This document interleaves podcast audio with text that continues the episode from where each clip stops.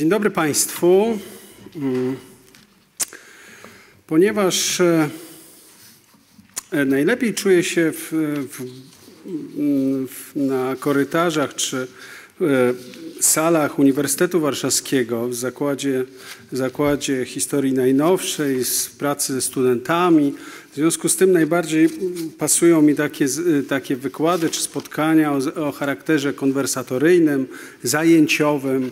Mm, w związku z tym wiem, że mam przeznaczone jest dla Państwa pół godziny na dyskusję, na zadawanie pytań, ale e, możecie Państwo zadawać te pytania już wcześniej, nim, e, e, nim przejdziemy do tej, do tej części poświęconej, poświęconej pytaniom. Mój referat poświęcony jest, poświęcony jest pogromom i napaścią na Żydów w okresie zaraz, zaraz powojennym. Szukam jeszcze jednego, jednej kartki, zaraz Państwu, przepraszam, nie wiem, czy wszystko wziąłem, pewnie nie, to ja. O, dobra. E, na początek kilka listów z roku 45. Wszystkie są z sierpnia 45. E, są pisane przez polskich Żydów. E, wszystkie dotyczą przemocy, strachu e, przed napaściami. Niektórzy nadawcy, autorzy tych listów, opisują swoje reakcje współczulne: drżenie ciała, trudności z zasypianiem, lęk. Radom, li, list z 18 sierpnia 45. Pan wyobrazi sobie, że ubiegłego tygodnia, z soboty na niedzielę, wydarzyło się u nas w Radomiu fakt, jakiego nie było nawet w Krakowie. Wyobraź pan sobie, że obok posterunku milicji zamordowano w domu cztery osoby. Żydzi. Nie zastrzelono ich, ale zarżnięto. Poderżnięto im gardła i przekuto piersi, między nimi majora sowieckiego, też Żyda. Poza tym posłano już drugi raz ostrzeżenie do Komitetu Żydowskiego, aby się do 15 bieżącego miesiąca usunęli, inaczej wymordują wszystkich. Oczywiście większa część wyjechała już. Zostały tylko jednostki, które się trzęsą. Ani spać w domu nie można, a na każdym kro kroku człowiek drży. Autor innego listu uciekł z małej podkarpackiej miejscowości ze strachu przed prześladowaniami do większego Tarnowa. Jednak tam również nie czuł się bezpiecznie. List 16 sierpnia 1945. Ja też jestem w Tarnowie, bo w Pilźnie nie ma ani jednego Żyda, bo jeszcze napadają na Żydów i ubijają. A wszyscy Żydzi z małych miasteczek przyjechali do Tarnowa i tam żyją na jednej ulicy. Wszyscy w mieście się boją. Wszyscy Żydzi myślą jechać do Palestyny i do Ameryki. Większość z autorów listów e, myślała o emigracji. Jednym, jednym z, w jednym liście czytamy. E, ja również postanowiłem emigrować z Polski. Wyjadę do Ameryki, ale z z Polski możliwość wyjazdu do Ameryki nie ma jeszcze, więc tymczasem do Palestyny. Ale jechać bez papierów to można się tułać z rzeczami po obozach. Żyd nie może jechać na wieś. W małych miasteczkach Żydów również zupełnie nie ma. Wielu Żydów w miasteczkach zostało zabitych. Także wszystko się skupia w pojedynczych miastach Krakowie, Kielcach, Łodzi, Radomiu. I ostatni list. Z Bielska. Znowu 16 sierpnia, 45 rok do kogoś w Nowym Jorku. Teraz mam do Ciebie jedną prośbę, żebyś pomógł mi i mojej rodzinie do Ameryki wyjechać. Żydzi są jeszcze w niebezpieczeństwie. Tu bandyci napadają żydowskie rodziny i zabierają życie nie jest pewne. Zabierają, tam był jakiś błąd w tekście, prawdopodobnie mienie. W latach 44-47 mieliśmy do czynienia z zasadniczo dwoma falami antyżydowskiej przemocy. Pierwszą, e, pierwsza fala to seria mordów. częściowo o charakterze bandyckim, e, których szczyt przypada na wiosnę, lato 1945 roku. Większość z nich została dokonana na prowincji, w małych ośrodkach miejskich i na wsiach. E, dlaczego w, w, właśnie wiosna i lato 45? No jeden z tropów to ofensywa zimowa i przejście Armii Czerwonej z terenów wcześniej zajętych do sierpnia, września 1944 i opuszczenie wielu miejscowości, chaos, brak organizacji. E, e, osoby e, pochodzenia żydowskiego się ujawniają. Mamy do czynienia z mordami. Wrócę jeszcze do tego wątku. Kolejna fala to już fala pogromowa która dwukrotnie przelewa się przez Polskę. Latem 1945 roku oraz rok później, w lipcu i później, i w sierpniu 1946. Obie, obie te fale, oba te wydarzenia łączy wrogość, nienawiść do Żydów. Obie mają wspólną genezę antysemityzm. Różniły jednak je bezpośrednie przyczyny, mit mordu rytualnego i forma agresji miejski tumult, pogrom. Te ostatnie zachowania, zachowania wydają się z socjologicznego punktu widzenia najbardziej ciekawe. Dlatego po pierwsze dokonam szybkiego przeglądu historii powojennych antysemickich pogromów w Polsce. Po drugie, że po drugie będę chciał odpowiedzieć na pytanie dlaczego. Dlaczego do tego doszło? Jan Tomasz Gross w swojej książce Strach stawia ważne pytania. Pytał, jak to było możliwe? Jak to było możliwe, że w Polsce, gdzie dokonała się zbrodnia Holokaustu, po wojnie ginęli Żydzi? Dlaczego doszło do antysemickich pogromów w Krakowie w sierpniu 1945 i rok później w Kielcach? Myślę, że to są bardzo ważne pytania. Postaram się na nie odpowiedzieć. Ale najpierw był Rzeszów. Obraz wydarzeń, jaki, e, e, jaki rozegrały się w czerwcu 1945 roku, oparty jest na strzępach informacji. Jest bardzo niejasny. Wiemy, że 7 czerwca zaginęła dziewięcioletnia Bronisława Mendoń, córka wozaka. Jak wynika z raportu dyżurnego śledczego Komendy Powiatowej MO w Rzeszowie, 11 czerwca jej torbę z książkami znalazł w piwnicy domu którym mieszkał przy Tannenbauban 12, obecnie ulica Krzej, Kazimierz Woźniak, syn nauczycielki, do której dziewczynka chodziła na korepetycję. Odnalezienie tornistra zgłosił funkcjonariuszom e, e, MO, a ściślej porucznikowi Janowi Grzeszkowi. Ten wraz z siedmioma funkcjonariuszami MO udał się pod ten adres na Tenenbauma, E, gdzie w piwnicy odnalazł zwłoki dziewczynki.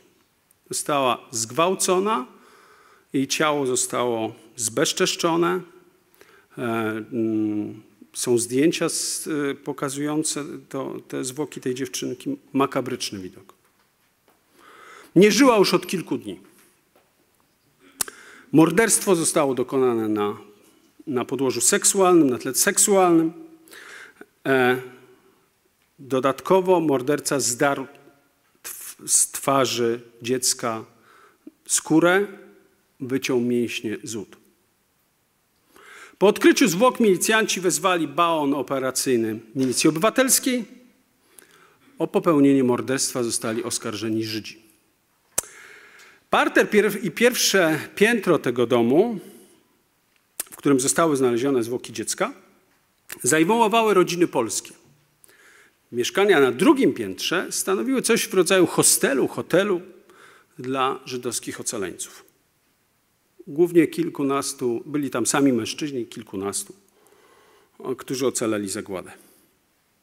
Dalszy przebieg wydarzeń z 11 i 12 czerwca zawdzięczamy relacji Jonasa Landensmana, osoby, która została oskarżona o popełnienie tego morderstwa. Wówczas 37-letniego kupca mieszkańca właśnie tego drugiego piętra przy ulicy Tannenbauma.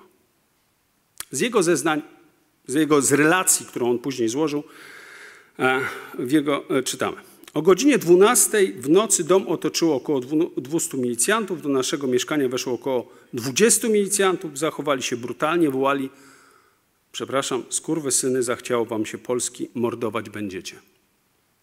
Przeprowadzili rewizję, podczas której w nieużywanym piecu znaleźli trochę włosów. Jeden milicjant uznał to za dowód prób spalenia zwłok. Inny prawdopodobnie wzburzony zaczął strzelać po ścianach. W jednym kuble znaleźli krew zabitych przez rzezaka kur, koszulę jednego Żyda, który tam mieszkał, znowu cytuję, a która była skrwawiona od pękniętego wrzodu, który miał na ciele. W aktach śledztwa jest informacja, że znaleziono kartkę z zeszytu dziewczynki. E, po, po przeszukaniu wszyscy Żydzi zostali sprowadzeni do piwnicy, gdzie pokazano im zwłoki. Wszyscy, wówczas ci milicjanci mieli mówić, cytuję, krew została wyciągnięta dla celów rytualnych. Rzekomo miał w tym brać udział jakiś rabin Leib Torn. Co ustaliło śledztwo latem, prowadzone latem i jesienią 1945 roku? Trzy rzeczy. Po pierwsze, miejscu zbrodni była najprawdopodobniej, miejscem zbrodni była najprawdopodobniej piwnica tego domu, e, który, w okolicach którego zresztą dziewczynkę widziano po raz ostatni. Po drugie, wykazało również, że krew znaleziono w mieszkaniu Torna nie była pochodzenia zwierzęcego.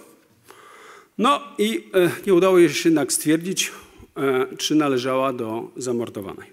Po trzecie, ekspertyza grafologiczna wykazała z prawdopodobieństwem graniczącym niemal z pewnością, że pismo na kartce zeszytu znalezione w mieszkaniu pochodziło z zeszytu dziewczynki. Brak dalszych postępów śledztwa spowodował, że zostało ono umorzone w grudniu 1945. W materiałach nie mamy żadnych innych zeznań, na przykład kluczowego świadka tego chłopca, Kazimierza Woźniaka, który znalazł torbę z książkami. Nikt kogo nie zainteresował też fakt, że rodzina Woźniaków wraz z synem szybko wyjechała z Rzeszowa. Kluczową rolę odegrał prawdopodobnie porucznik Grzeszek. Problem jednak w tym, że e, później znikał z, z, dokumentów. Nie wiemy, co się z nim dzieje. Wyjechał z Rzeszowa, nie udało się znaleźć żadnych tropów e, świadczących o tym, co on później robił. E, warto zwrócić uwagę na kontekst, na podobieństwa do tego, co się dzieje później w Krakowie i w Kielcach. A mianowicie głównymi aktorami wydarzeń są milicjanci. To oni rozpuścili informacje w mieście o mordzie rytualnym. Wywołały one w Rzeszowie społeczną histerię, wściekłość, agresję skierowaną przeciwko Żydom. Rano 12 czerwca wszystkich rzeszowskich Żydów zaprowadzono na posterunek e, milicji, by, byli lżeni, bici przez konwujących ich milicjantów. Tłum ludności a, zelektryzowany wiadomością, że doszło do mordu rytualnego, rzucił się do rabowania i plądrowania żydowskich mieszkań warsztatów pracy. W sumie z, e, zostało doszczętnie ograbionych 22 mieszkania i 57 rodzin.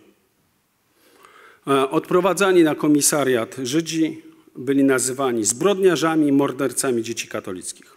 W ruch poszły kamienie i pięści. Pobitych zostało, jak powiedziałem, wiele osób. E, z raportu konspiracyjnej delegatury sił zbrojnych wynika, że w biciu e, brali udział także milicjanci, ludność cywilna, także funkcjonariusze UB i żołnierze Wojska Polskiego. Kres zajścią położyli oficerowie i żołnierze NKWD.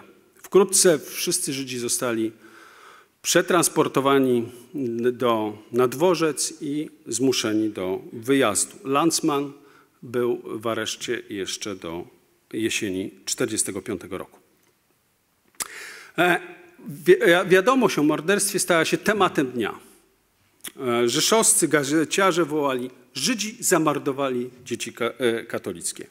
Jeden z funkcjonariuszy Urzędu Bezpieczeństwa podsłuchał rozmawiające na rynku rzeszowskim kobiety. Cytuję. Oto widzicie, powiada kobieta, znajdujące się w grupie ludzi za to, żeśmy im dawali i ukrywali ich, to teraz mordują nasze dzieci. I trzeba Katynia? Druga mówi. To mamy Katyń dla naszych biednych dzieci. Przez, 10, przez 5 lat męczonych. Oj, żeby tak moje dziecko zginęło, to ja bym tym Żydziakom oczy wydrapała. Ano by milicja nie pomogła. I takich relacji mamy więcej z Rzeszowa, z ulic Rzeszowa. 13 czerwca odbył się wcześniej rano pogrzeb dziewczynki. E, chciano uniknąć w ten sposób jakiegoś demonstracyjnego pogrzebu, dlatego nie poinformowano opinii publicznej. Lokalna gazeta, Dziennik Rzeszowski, próbowała w kolejnych numerach z 12 i 13 czerwca przekonywać czytelników, że mord nosi, nosił charakter seksualny oraz że znaleziono zwłoki jednej dziewczynki, a nie kilkunastu czy kilkudziesięciu, bo, bowiem krążyła plotka, że miało być ich 16, 18, 22 sugerowano w gazetach perfidną prowokację. Pojawiły się spekulacje, e, twierdzenia o tym, że te dzieci poszły na kiełbasę. E, mówiono, że znaleziono także czaszki ludzkie, ubrania, buty, w których jeszcze miały być nogi. Sprawcami mieli być Żydzi. E, przez władzę, i tu cytuję, naj, najlepiej poważani i cenieni. Żydzi wyjechali z Rzeszowa, ale opowieść o tym, co się wydarzyło w Rzeszowie, dotarła także do innych regionów Polski, na przykład do Krakowa. W Krakowie już od dłuższego czasu, mniej więcej od Wielkanocy 45, pojawiały się jakieś pogłoski, dochodziło do ekscesów antyżydowskich. E, mm, Jacek Kuroń opisuje taką sytuację, gdy jego dziadek wziął na spacer jego brata Felka, e, dziecko się wyrywało, nie chciało i z dziadkiem ktoś oskarżył tego dziadka o to, że porwał chrześcijańskie dziecko. Takich opowieści było więcej.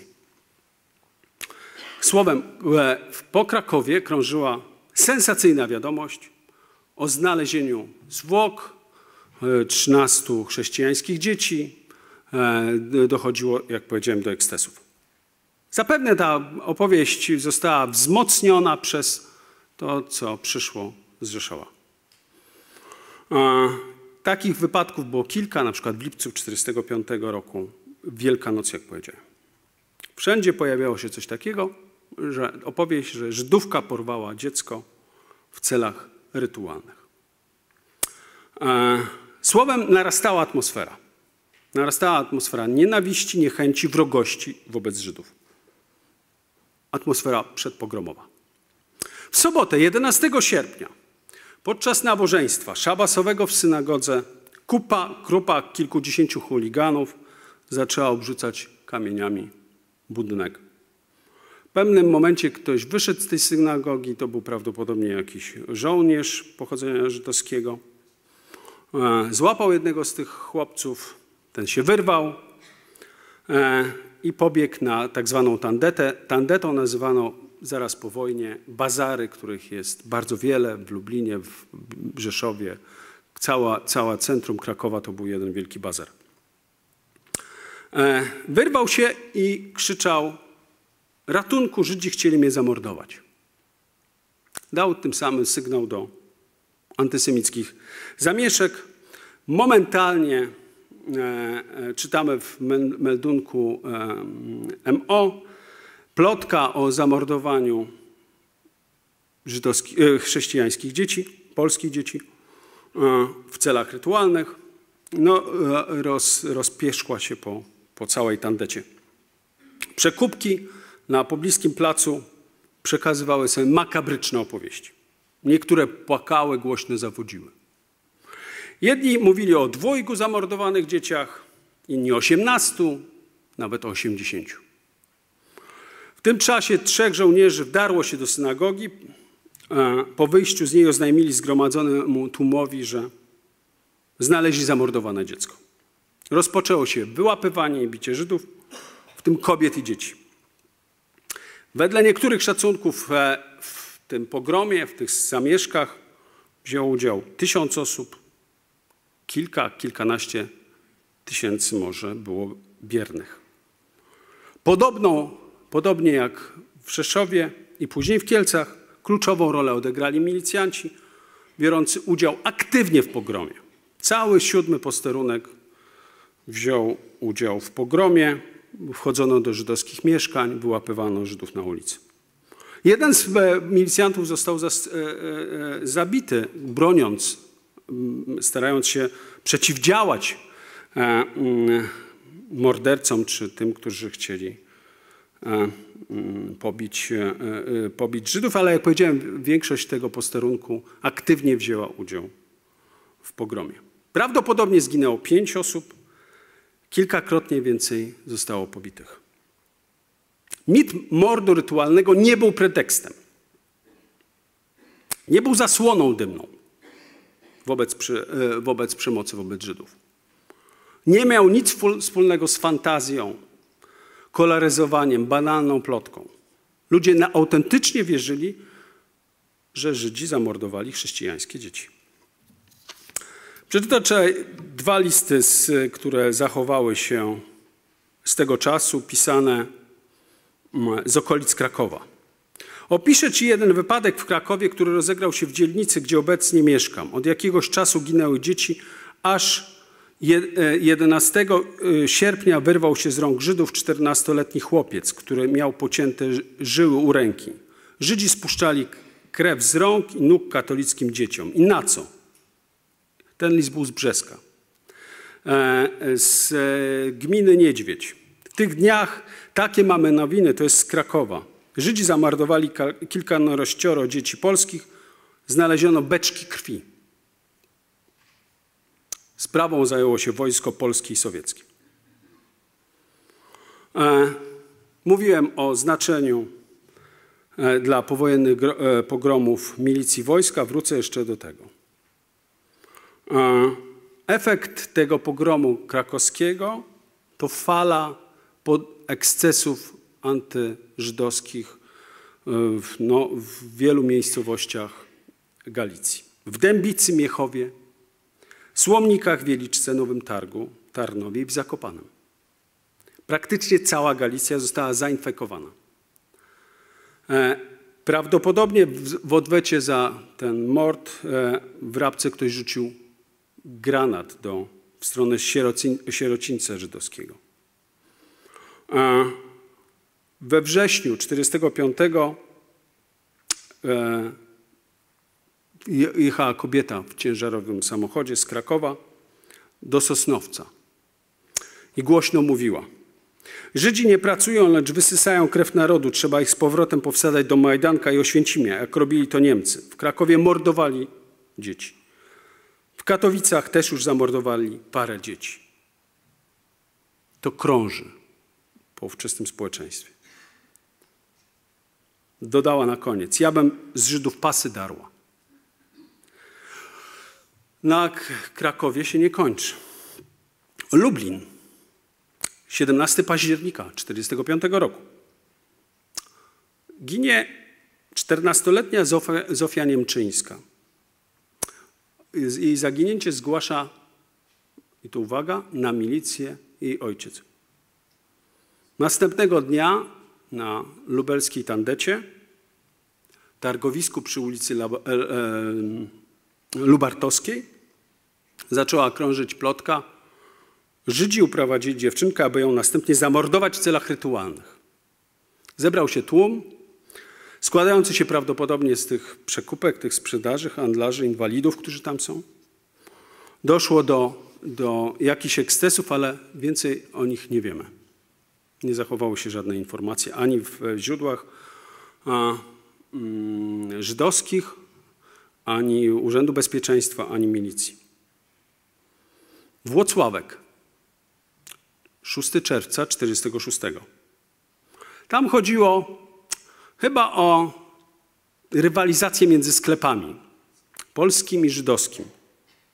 W każdym razie e, pojawia się plotka, że konkurencja miała, ta żydowska, ten sklep żydowski miał mięso ludzkie Polaków.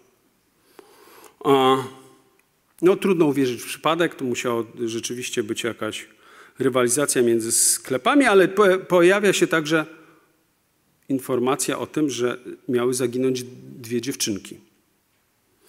Jedna z nich, 11-letnia, miała nie wrócić ze szkoły. Znowu jej ojciec zgłasza informację na milicji. Znowu dochodzi do prób ekscesów, ale e, zostają one uspokojone czy, czy stłumione przez Urząd Bezpieczeństwa. W raporcie czytamy tegoż urzędu. 7 czerwca 1946 przed gmachem Komitetu Żydowskiego o godzinie 16 przy ulicy Królewieckiej zebrało się kilku chłopców, którzy zaczęli wykrzykiwać, że Żydzi zabiją dzieci. Przechodząca ludność zaczęła się zatrzymywać koło tych kilkudziesięciu osób. No i tak dalej został powiadomiony e, e, e, Urząd Bezpieczeństwa, wezwano e, MO i tak dalej. Nie wiemy, czy dziewczynki się odnalazły, czy rzeczywiście zginęły. Czy informacja o tym dotarła dalej do innych miast? Połowa czerwca 46. Częstochowa. Czytamy o niezadowoleniu o charakterze antysemickim. Związanym z, z obsadzaniem stanowisk państwowych osobami pochodzenia żydowskiego. Ale to, to jest może nie najważniejsze. Ważniejsze, że tym Temu niezadowoleniu miały towarzyszyć plotki o wymordowaniu dzieci we Wrocławiu. No, ale zna, zna, okazało się, że zginęło także polskie dziecko w tej Częstochowie, a mianowicie 18 czerwca. W dołach cegielni, e, jednej z cegielni częstochowskich, znaleziono zwłoki 15-letniej Krystyny Woźniak, która została uduszona i wrzucona do glinianek pod zarzutem popełnienia morderstwa został oskarżony e, krawiec żydowski Cil Teper, zamieszkały przy ulicy Wolności. E, został przekazany władzom prokuratorskim, osadzony w więzieniu. E, sekcja zwłok stwierdziła, że nie doszło do gwałtu na dziewczynce. Tego, e, tego krawca przetrzymywano w, w Częstochowie, w tym w areszcie, ale mm, śledztwo dowiodło, że na pewno nie wziął on udział w tym morderstwie. W każdym, w każdym razie mleko się rozlało e, i e, informacja krążyła nie tylko po Częstochowie, ale także dotarła do Kielc. Kielce. Początek lipca 46 krążą fantastyczne pogłoski, jakoby żołnierze radzieccy idące do pierwszej komunii dziewczęta nadziewali na bagnety. Możemy mówić o narastaniu jakiejś psychodzy. dociera prawdopodobnie do Kielc także informacja z Częstochowy. W Częstochowie także dochodzi do zaginięć dzieci. E, co najmniej dwóch jeszcze w czerwcu 1946 roku. Miała zaginąć czteroletnia dziewczynka, jak powiedziałem, takich przypadków mogło być więcej. Nic o nich więcej nie wiemy. Wiemy, że zaginęła, czy się odnalazła, nic więcej nie wiemy.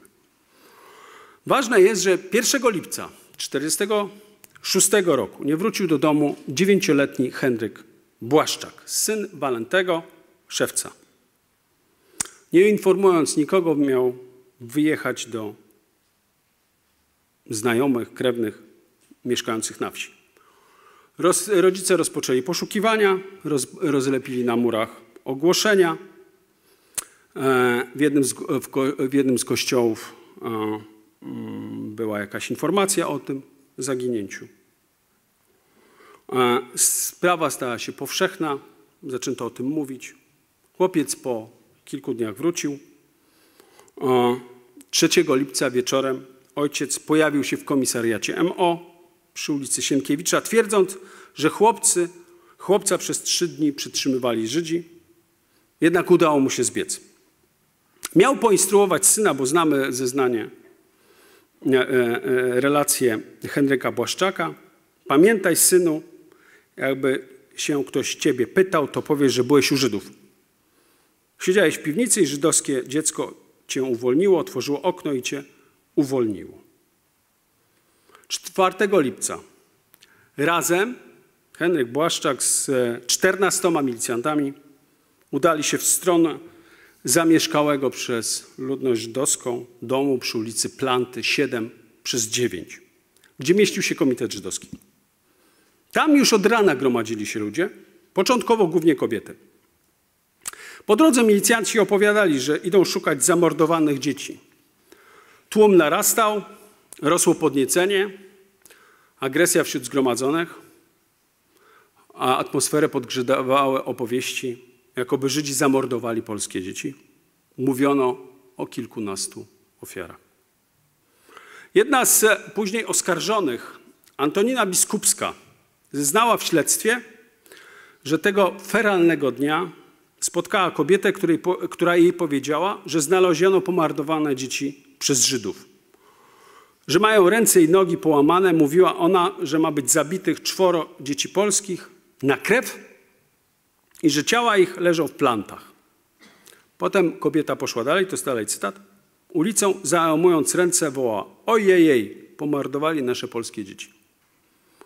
Następnie biskupska poszła z tą kobietą, na, ze swoją sąsiadką na plantę oglądać, oglądać te pomordowane dzieci. Padały okrzyki e, precz Żydami, oni nasze dzieci mordują, oni nam niepotrzebni. Wiara w tą opowieść uprawomocniała, e, e, uprawomocniała do odniesienia o rzekomo zbiorowym mordzie znalezionych dzieciach. Wszystko to tworzyło można powiedzieć, ontologiczny przymus mobilizujący do zabijania. No, psychologiczna bariera między słowną agresją a fizyczną pękła, gdy przybył na planty 7 przez 9 e, oddział Korpusu Bezpieczeństwa Wewnętrznego i milicji dodatkowe. Żołnierze pierwszy wkroczyli do domu przy ulicy Planty. Rozpoczął się pogrom, podczas którego nastąpił swoisty podział pracy. W domu rządzili wojskowi milicjanci, którzy rabowali, sami też bili, strzelali do bezbronnych, ciała wyrzucali przez, z balkonu. Strzałem plecy został zastrzelony Seweren Kahane, przewodniczący Komitetu Żydowskiego. Pozostałych mieszkańców wyprowadzano na zewnątrz budynku, gdzie panował już koedukacyjny tłum. Tam także dochodziło do mordów. Jak powiedziałem, niektóre ofiary wyrzucano z drugiego piętra na bruk. W ten sposób w ciągu pół godziny zamordowano kilkanaście osób, wiele w sposób bestialskich, rannych dobijano, czym popadło deskami, kamieniami. Znowu mamy udział wojska, milicji, rabunek oraz mit mordu rytualnego. Kolejny etap tego pogromu to jest przybycie na ulicę Planty robotników z, e, z huty Ludwików, kieleckiej huty e, e, pogrom rozgorzał na nowo. Milicjanci, którzy byli w tym, w tym domu, kradli wszystko. Skradzionych zostało, i to jest być może jeden z motywów, tysiąc, 10 tysięcy dolarów amerykańskich, ale kradziono także marynarki, ubrania, jakąś bieliznę, zegarki, pieniądze, etc. Grabież bez wątpienia stanowiło jeden z dwóch najważniejszych motywów pogromu. Ta opowieść o mordowaniu chrześcijańskich dzieci, polskich dzieci, była drugim motywem. A właśnie okrzyk Żydzi pomordowali polskie dzieci zagrzewał do bicia i do zabijania. Stanowił paliwo pogromu. A Jedna z e, e, świadków wydarzeń, Rachela Grundglas, wspominała, Żołnierze, którzy otaczali budynek, kazali nam wejść do sąsiedniej cukierni, aby przeczekać, albowiem nie rozpoznali we mnie Żydówki. Wobec tego udałem się do cukierni, gdzie na moje pytanie odpowiedzieli mi, że Żydzi zabili 12 polskich dzieci. Co opowiadał chłopiec, który się w piwnicy je, e, jedyny uratował? Na to Żydzi zabili oficera oraz jego oraz dziecko jego, które, e, które znaleziono w piwnicy. Dlatego Żydów wojsko również szuka i strzela. Koniec cytatu. E, pogrom rozprzestrzenia się, przenosi się na przykład na dworzec e, kielecki. W sumie e, zginęło 42 osoby, w tym trzech Polaków. Wieści przekazywano są wówczas drogą telefoniczną i prawdopodobnie w ten sposób milicjanci w, w Kaliszu rozpoczęli no, albo rozpoczęli, albo mieli na, chcieli rozpocząć, powiedzmy tak, tego samego 4 lipca pogrom w tym mieście. Możemy mówić o takim milicyjnym łańcuszku informacji, bo inaczej nie można było e, wytłumaczyć faktu, że właśnie w Kaliszu była próba pogromowa. Nie wiemy wiele o tym. E, wiemy, że, że prawdopodobnie do tego pogromu nie doszło, nie było żadnych ofiar, ale e, już post factum e, z materiałów milicyjnych wynika, że aż 110 funkcjonariuszy posądzonych o antysemityzm i, i także udział w tym rozpoczynającym się pogromie zostało usuniętych ze służby bądź przesuniętych na inne stanowiska. No ale pogłoska o tym, co się wydarzyło, czy informacja o tym, co się wydarzyło w Kielcach, znowu jak, e, jak w przypadku Krakowa, jak kamień, fala się rozeszła po głównie w województwie kieleckim. Doszło do ekscesów, e, bo jeszcze nie pogromów w Ostrowcu Świętokrzyskim, E, w Sandomierzu, e, mm, w Pinczowie przekazywano informacje o, e, o rzekomych morderstwach na dzieciach chrześcijańskich. Ale także na Mazowszu. Ta antyżydowska fala, ta antyżydowska trwoga, ta, ten, ta opowieść o mordowaniu chrześcijańskich Żydów dotarła także na Mazowsze i do e, ekscesów. Wiele o nich nie wiemy. Wiemy, że coś tam było, ale szczegółów nie znamy. Doszło w Ciechanowie, Siel, Sielcach, Ostrowi Mazowieckiej, Świdrze, a także Warszawie. Zajścia w Warszawie są interesujące. Wywołaje plotka przekazywana znowu na targowisku, e, na placu Szembeka.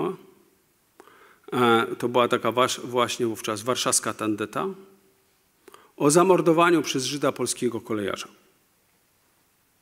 Nic więcej nie wiemy. Chyba uruchomiono milicję e, i do, do, do żadnych ekscesów nie doszło, poważniejszych przynajmniej. E, plotka, informacja o tym, co się działo, jakieś próby ekscesów dotarły także do Bytomia, Łodzi, Skierniewic, Tomaszowa, Białego Stoku. Odnotowano także tak, taką atmosferę programową w Szczecinie, Bielawie i Otwocku. Niemniej tam nie doszło do, do, do pogromów. No dobrze, dlaczego? Dlaczego? Dlaczego w Polsce po Holokauście doszło do fali pogromowej? No dobrze, pierwsza, pierwsza odpowiedź, e, która krąży już od 45-46, przewija się także w różnych antysemickich głównie broszurach, brzmi, że była to prowokacja, że w Kielcach doszło do prowokacji. E, żadne dowody na to nie wskazują. Ani te, które znamy z archiwów sowieckich, z tak zwanej teczki Stalina, ani z materiałów Urzędu Bezpieczeństwa czy Polskiej Partii Robotniczej. Niemniej fakt, że za każdym razem w tych pogromach biorą udział milicjanci, a także wojsko, sugeruje, że być może doszło do jakiegoś, jakiegoś, jakiejś zmowy czy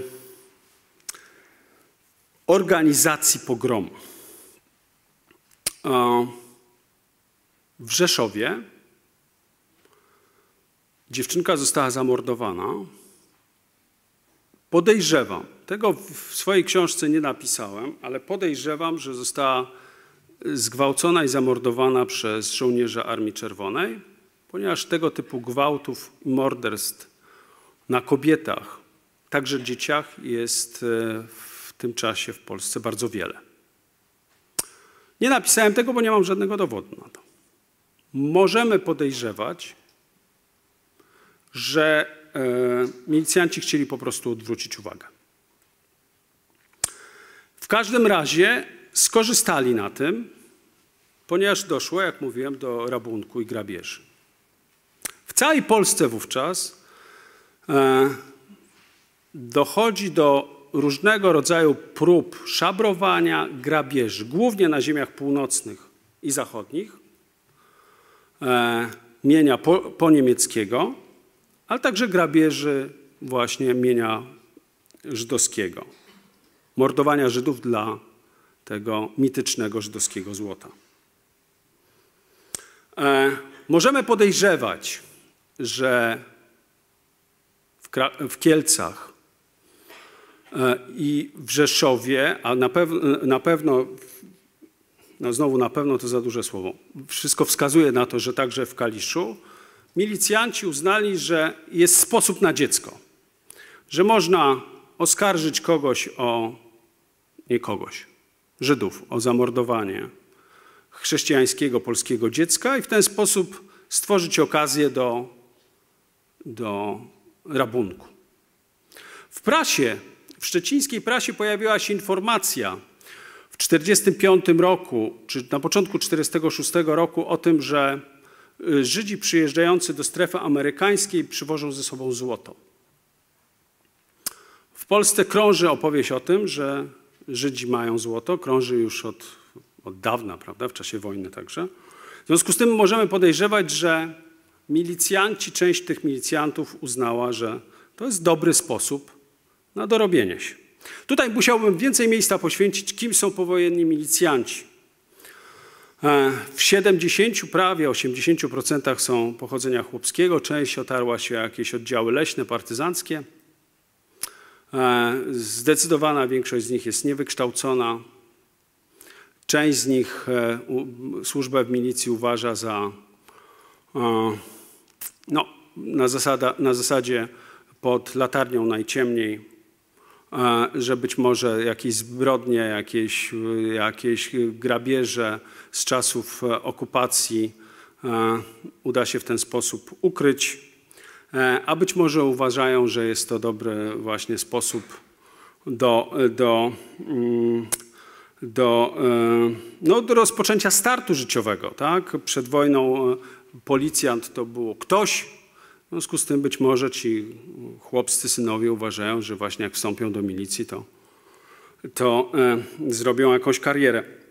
W każdym razie wiemy od, z materiałów milicyjnych, że wielu z nich E, wyrażało, e, wyraża poglądy antysemickie. E, ja bym ich określił taką w, jako grupę zbędną w służbie przemocy. To taka kategoria socjologiczna zaproponowana przez profesora Czarnowskiego. W historii znamy takie przypadki, kiedy weterani, ludzie właśnie luźni, nie, nie, nie nie, gdzieś tam pomiędzy strukturami społecznymi, bez pracy, angażują się do jakichś bojówek, e, idą na służbę przemocy. E, I mam wrażenie, że, że część tych milicjantów to właśnie, e, to właśnie taka grupa ludzi zbędnych w służbie przemocy, która prowokacje e, ale o charakterze nie politycznym, jak twierdzono po wojnie, ale raczej biznesowo-upieszczą. Wykorzystuje e, czy używa do, do, do zdobycia jakiegoś majątku grabież. Ale to nie jest oczywiście jedyne wyjaśnienie. Są inne. Antysemityzm, anomia, szkoła zabijania, rozpad struktury społecznej, powojenny chaos. E, zacznijmy od antysemityzmu. Bez wątpienia jest on w społeczeństwie polskim rozpowszechniony. Ma on genezę długą, nie chcę tutaj e, tej historii teraz przytaczać. Bez wątpienia lata 30.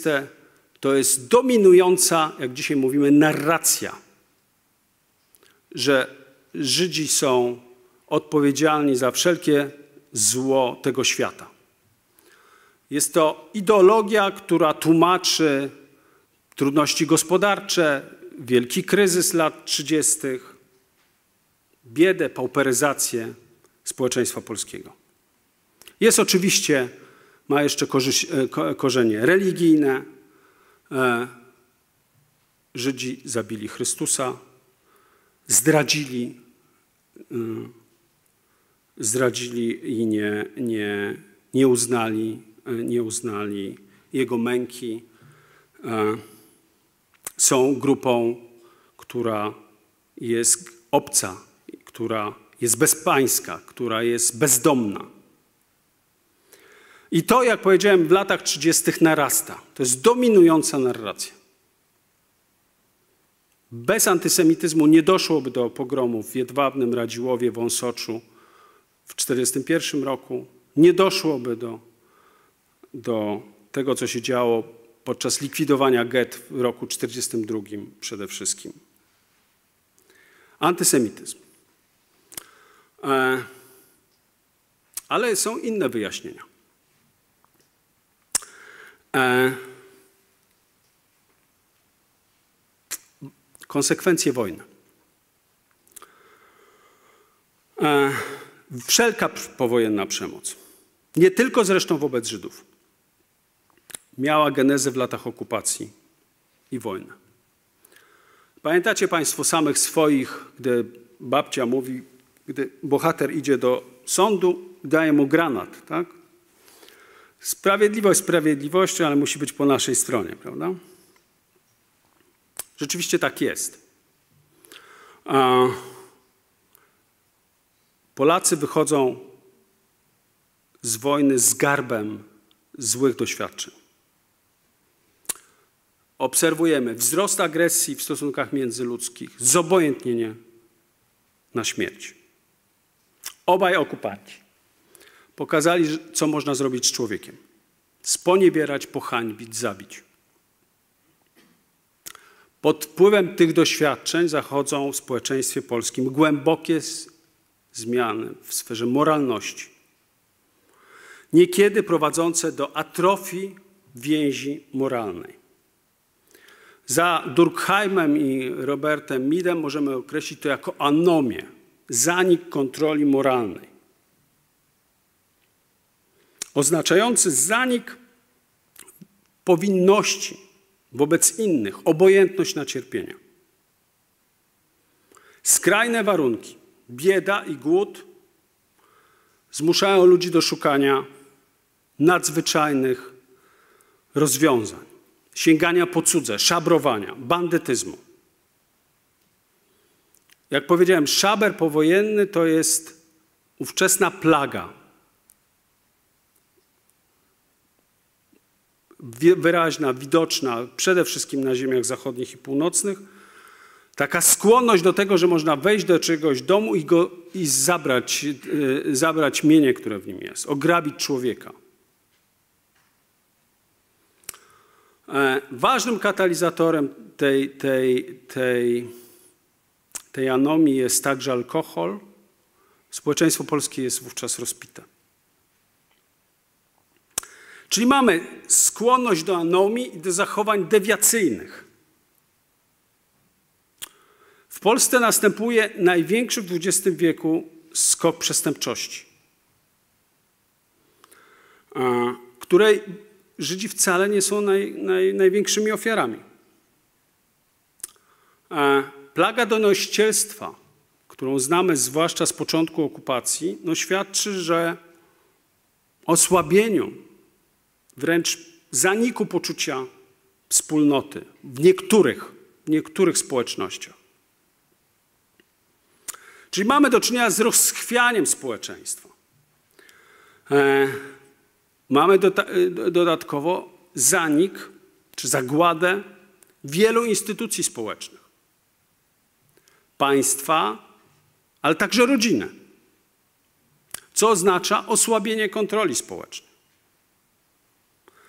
E, to wszystko niesie chaos i anarchię. Jeśli dołożymy do tego, że ta władza ludowa jest w roku 45, a także 46 słaba, e, przede wszystkim skoncentrowana na walce politycznej z Polskim Stronnictwem Ludowym bądź z podziemiem. Niezainteresowana walką z bandytyzmem czy, czy z przestępczością kryminalną. Mało tego, w, te, w szeregach tej władzy, mam na myśli milicję obywatelską, są właśnie także bandyci i przestępcy. E, najgorsze nawet izmy, nacjonalizmy czy antysemityzmy. O tym pisał ostatnio Tim Snyder. Nie wychodzą na ulicę, gdy jest państwo, gdy działa państwo, gdy działają sądy, gdy, gdy działa, e, e, e, gdzie działa policja czy milicja. E, gdy istnieje system prawny. Takiego systemu prawnego nie ma właśnie w Jedwabnym w czerwcu, lipcu 1941 roku, prawda? Nie ma go w, w Szczebrzeszynie w roku 1942, gdy likwidowane jest getto i, i duża część mieszkańców Szczebrzeszyna właśnie wyłapuje Żydów i ich morduje. Gdy istnieje prawo, gdy istnieje system prawny, e, który jest w stanie egzekwować to prawo, do tego typu sytuacji nie dochodzi. No, wreszcie nacjonalizm. Wojna przyniosła wyostrzenie identyfikacji narodowej, wydłużenie dystansu międzyetnicznego. W konsekwencji został uruchomiony proces kształtowania się ksenofobicznej wspólnoty narodowej. Polskość zdominowała wszelkie tożsamości i identyfikacji. Wojnę się rozpoznaje na zasadzie wróg obcy, Polak, nie Polak, Ukrainiec, Sowiet, y, Niemiec, prawda? To rodzi poczucie oblężenia, zagrożenia. Obraz świata pełen narodowych fobii. To wszystko jeszcze jest wzmocnione przez poczucie klęski. Bowiem po, duża część Polaków ma poczucie tego, że, że druga wojna nie skończyła się dobrze dla Polski. Mimo paradoksalnie znalezienia się w obozie zwycięzców. Można by powiedzieć, że psychologicznie sytuacja jest podobna do tego, co obserwujemy po I wojnie we Włoszech czy w Niemczech. Rozpad starego ładu społecznego, silne frustracje związane z klęską i mnóstwo facetów z bronią, którzy tą bronią umieją władać i to wykorzystują. Ci udział tych mundurowych, tych milicjantów to jest właśnie jakiś rodzaj syndromu weterana, znanego historii od czasów, nie wiem, Republiki Rzymskiej. Ludzi, którzy mają poczucie klęski, którzy uważają, że zasługują na więcej,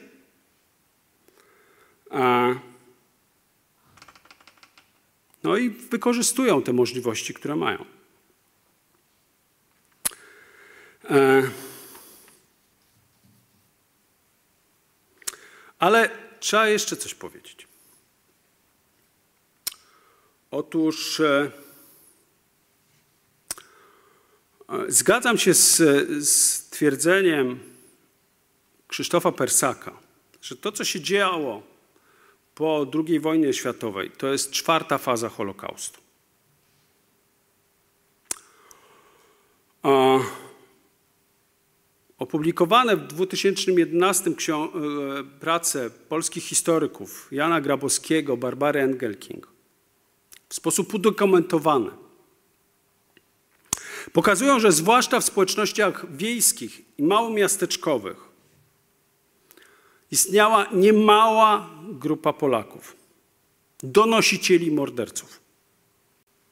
W Jedwabnym spalili swoich żydowskich sąsiadów, w innych organizowali na nich polowania, wyłapywali, oddawali Niemcom.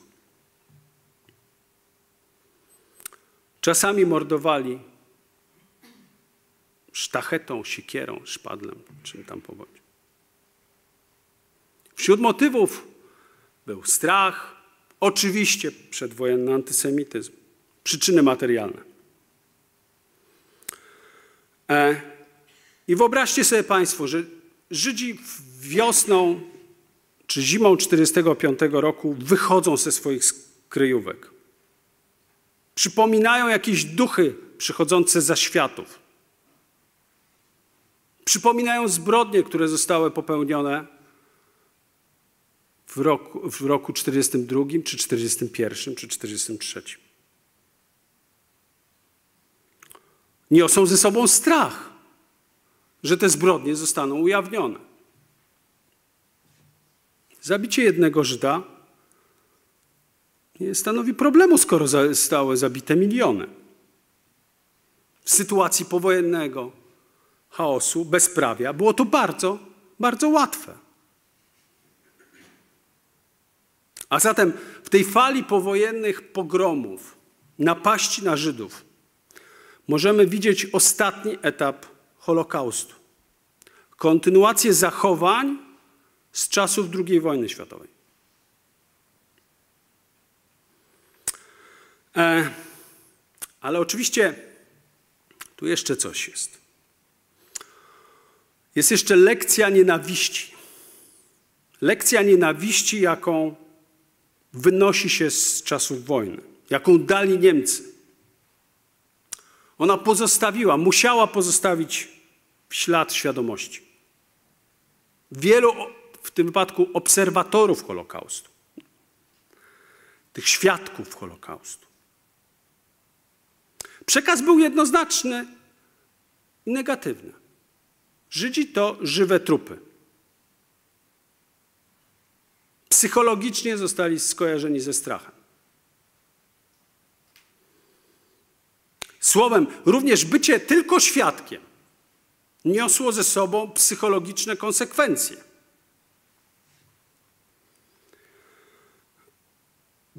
Jan Tomasz Gross zwraca uwagę, być, ja bym się chyba zgodził z jego hipotezą, że za tymi zachowaniami stało także poczucie winy. Niepokój sumienia tych Polaków, którzy nie zrobili nic.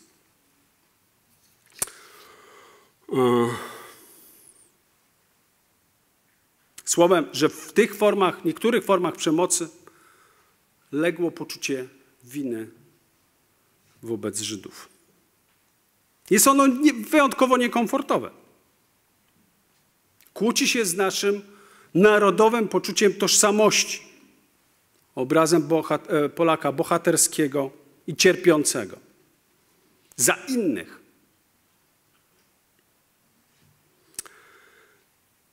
Mit mordu rytualnego odsuwał te, te, to, to poczucie winy. Dawał dobre rozwiązanie. Przywracał ład moralny. To nie my mordujemy, tylko oni nas mordują. Słowem, to Żydzi są winni,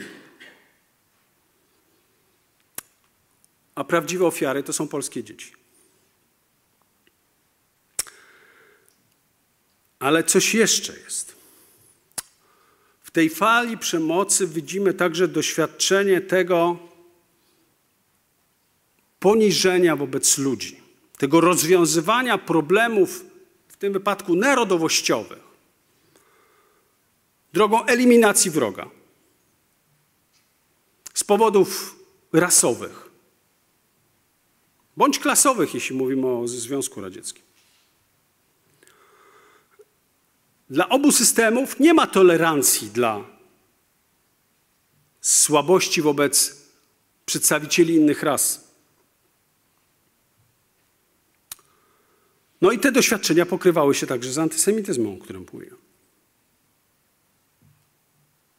Jakiś Żyd pisał w liście z 11 sierpnia. Byłem w kilku domach we wsi, gdzie się znajdujemy. Był, był żołnierzem, w związku z tym pewnie tam stacjonował. Każdym domu panuje taki antysemityzm, że włosy stają mi dęba. Nie, nie biorąc mnie za Żyda, opowiedzieli mi takie rzeczy, których straszno słyszeć. Niedobitki polskich Żydów otaczała wrogość, nienawiść, prowadząca do czystki etnicznej. To nie jest jedyna czystka etniczna, jaka wówczas ma miejsce. Z czystką etniczną mamy do czynienia na wschodzie, mam na myśli Ukraińców i Białorusinów, ale przede wszystkim na ziemiach zachodnich i północnych. Ale ona jest legitymizowana decyzjami w Jałcie i Poczdamie.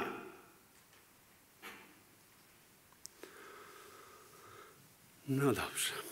Ale jeszcze pytanie, skąd ten mit mordu rytualnego? I to jest chyba najtrudniejsze pytanie, ponieważ e, opowieści o mordowaniu chrześcijańskich dzieci przez Żydów nie pojawiają się w czasie II wojny. Pojawiały się lokalnie w Polsce lat 20. i 30. Doszło nawet do jednego procesu w Katowicach. Niemniej, niemniej e, trudno mówić o jakimś, e, jakiejś fali tego typu pogłosek, e, przekazywaniu mitu. Dlaczego on wybuchł w 1945-1946 roku? To jest, jak powiedziałem, najtrudniejsze pytanie. E, być może zadziałał przypadek. No, gdyby ta Bronisława Mendon nie zginęła w, 40, w czerwcu 1945 roku, może by do tej fali nie doszło. A przynajmniej może nie, nie, nie przelałaby się w takim stopniu, jak to miało miejsce. Ja bym to wiązał z kondycją społeczeństwa polskiego. E, z tym, że Polacy w czasie wojny następuje wzmocnienie myślenia magicznego, religijnego. A mit jest jakoś zakorzeniony w myśleniu magicznym. E, w 40 roku w Lwowie czy w Warszawie wywołuje się ducha marszałka, żeby się dowiedzieć, kiedy wojna się skończy. E, rzeczywiście część społeczeństwa polskiego przeżywa jakąś taką falę e, religijnego uniesienia. I to może być jakieś podglebie dla, dla mitu mortu rytualnego. Innym to jest, trzeba by popatrzeć na, kto jest wyznawcą tego mitu. To są przede wszystkim jednak ludzie źle wykształceni, posługujący się kodem ograniczonym, często niepiśmienni albo po kilku klasach szkoły powszechnej przedwojennej. Są w tym, są, są także kobiety. To może być jakaś odpowiedź. To społeczeństwo jest społeczeństwem spauperyzowanym, wylęknionym, w atmosferze takiego panującego lęku, niepokoju, chaosu, tego typu opowieści e, znajdują dobre podglebie. Ja to rozumiem, ja powstanie czy wybuch tego, tego mitu mordu rytualnego w kontekście wielkiej trwogi. Tego rozpowszechnienia niepokoju wówczas, niepewności i tymczasowości społeczeństwa polskiego.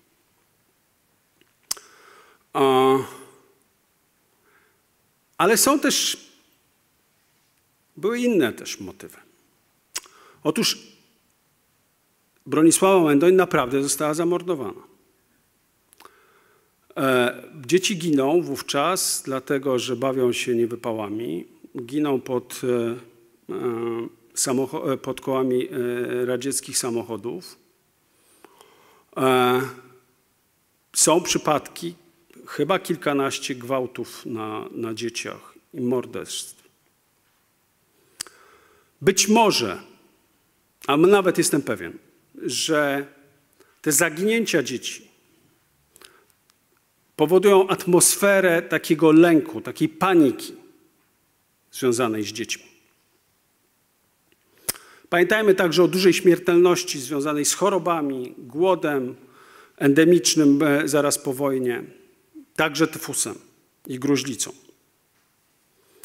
To mogło wywołać, e, e, to także mogło być, to mogła być jedna z przyczyn. Mam pewne przesłanki ku temu, żeby sądzić, że właśnie niepokój dzieci był szczególnie ważny, szczególnie istotny.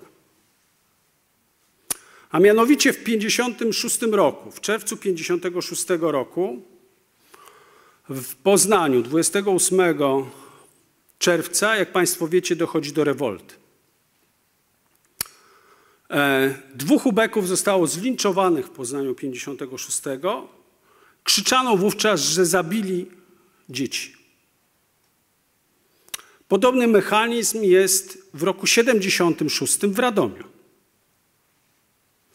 Tłum idzie pod e, komisariat milicji, ponieważ pada plotka, czy pojawia się plotka o, o tym, że milicjanci zabili dwójkę dzieci. E, gdy przypomniecie sobie Państwo sprawę Małej Madzi sprzed kilku lat, tam już prasa donosiła, czy w prasie czytałem, o tym, że jacyś Niemcy mieli być, porwać samochodem tą małą Madzie. Pamiętacie Państwo tą atmosferę niepokoju, a później śledztwa, gdy helikopter TVN-24 leciał nad samochodem, który wiózł tą, tą matkę do sądu. Myślę, że taka atmosfera niepokoju, nie, troski o dzieci panowała również w 1945-1946 roku. A zatem być może mamy tutaj do czynienia nie tylko z, z antysemityzmem, ale czymś bardziej podstawowym. E, ludzką, ludzkim niepokojem o dzieci. To bardzo trudno udowodnić. Ja to rzucam raczej jako hipotezę. E, ta sytuacja zresztą była wzmacniana nie tylko doniesieniami o mordach na dzieciach czy, czy tych gwałtach na dzieciach, ale także porwaniami, autentycznymi porwaniami dzieci. Po pierwsze, w społeczeństwie polskim krąży informacja wówczas, w 1945-1946, że komitety żydowskie płacą za ocalone żydowskie dzieci. Rzeczywiście takie pieniądze były wypłacane 500 bądź 1000 złotych. W dwóch przypadkach, co najmniej w dwóch, raz w Poznaniu, raz w Krakowie,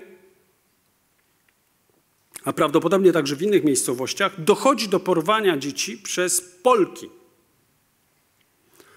E, te dzieci szybko zostają odnalezione.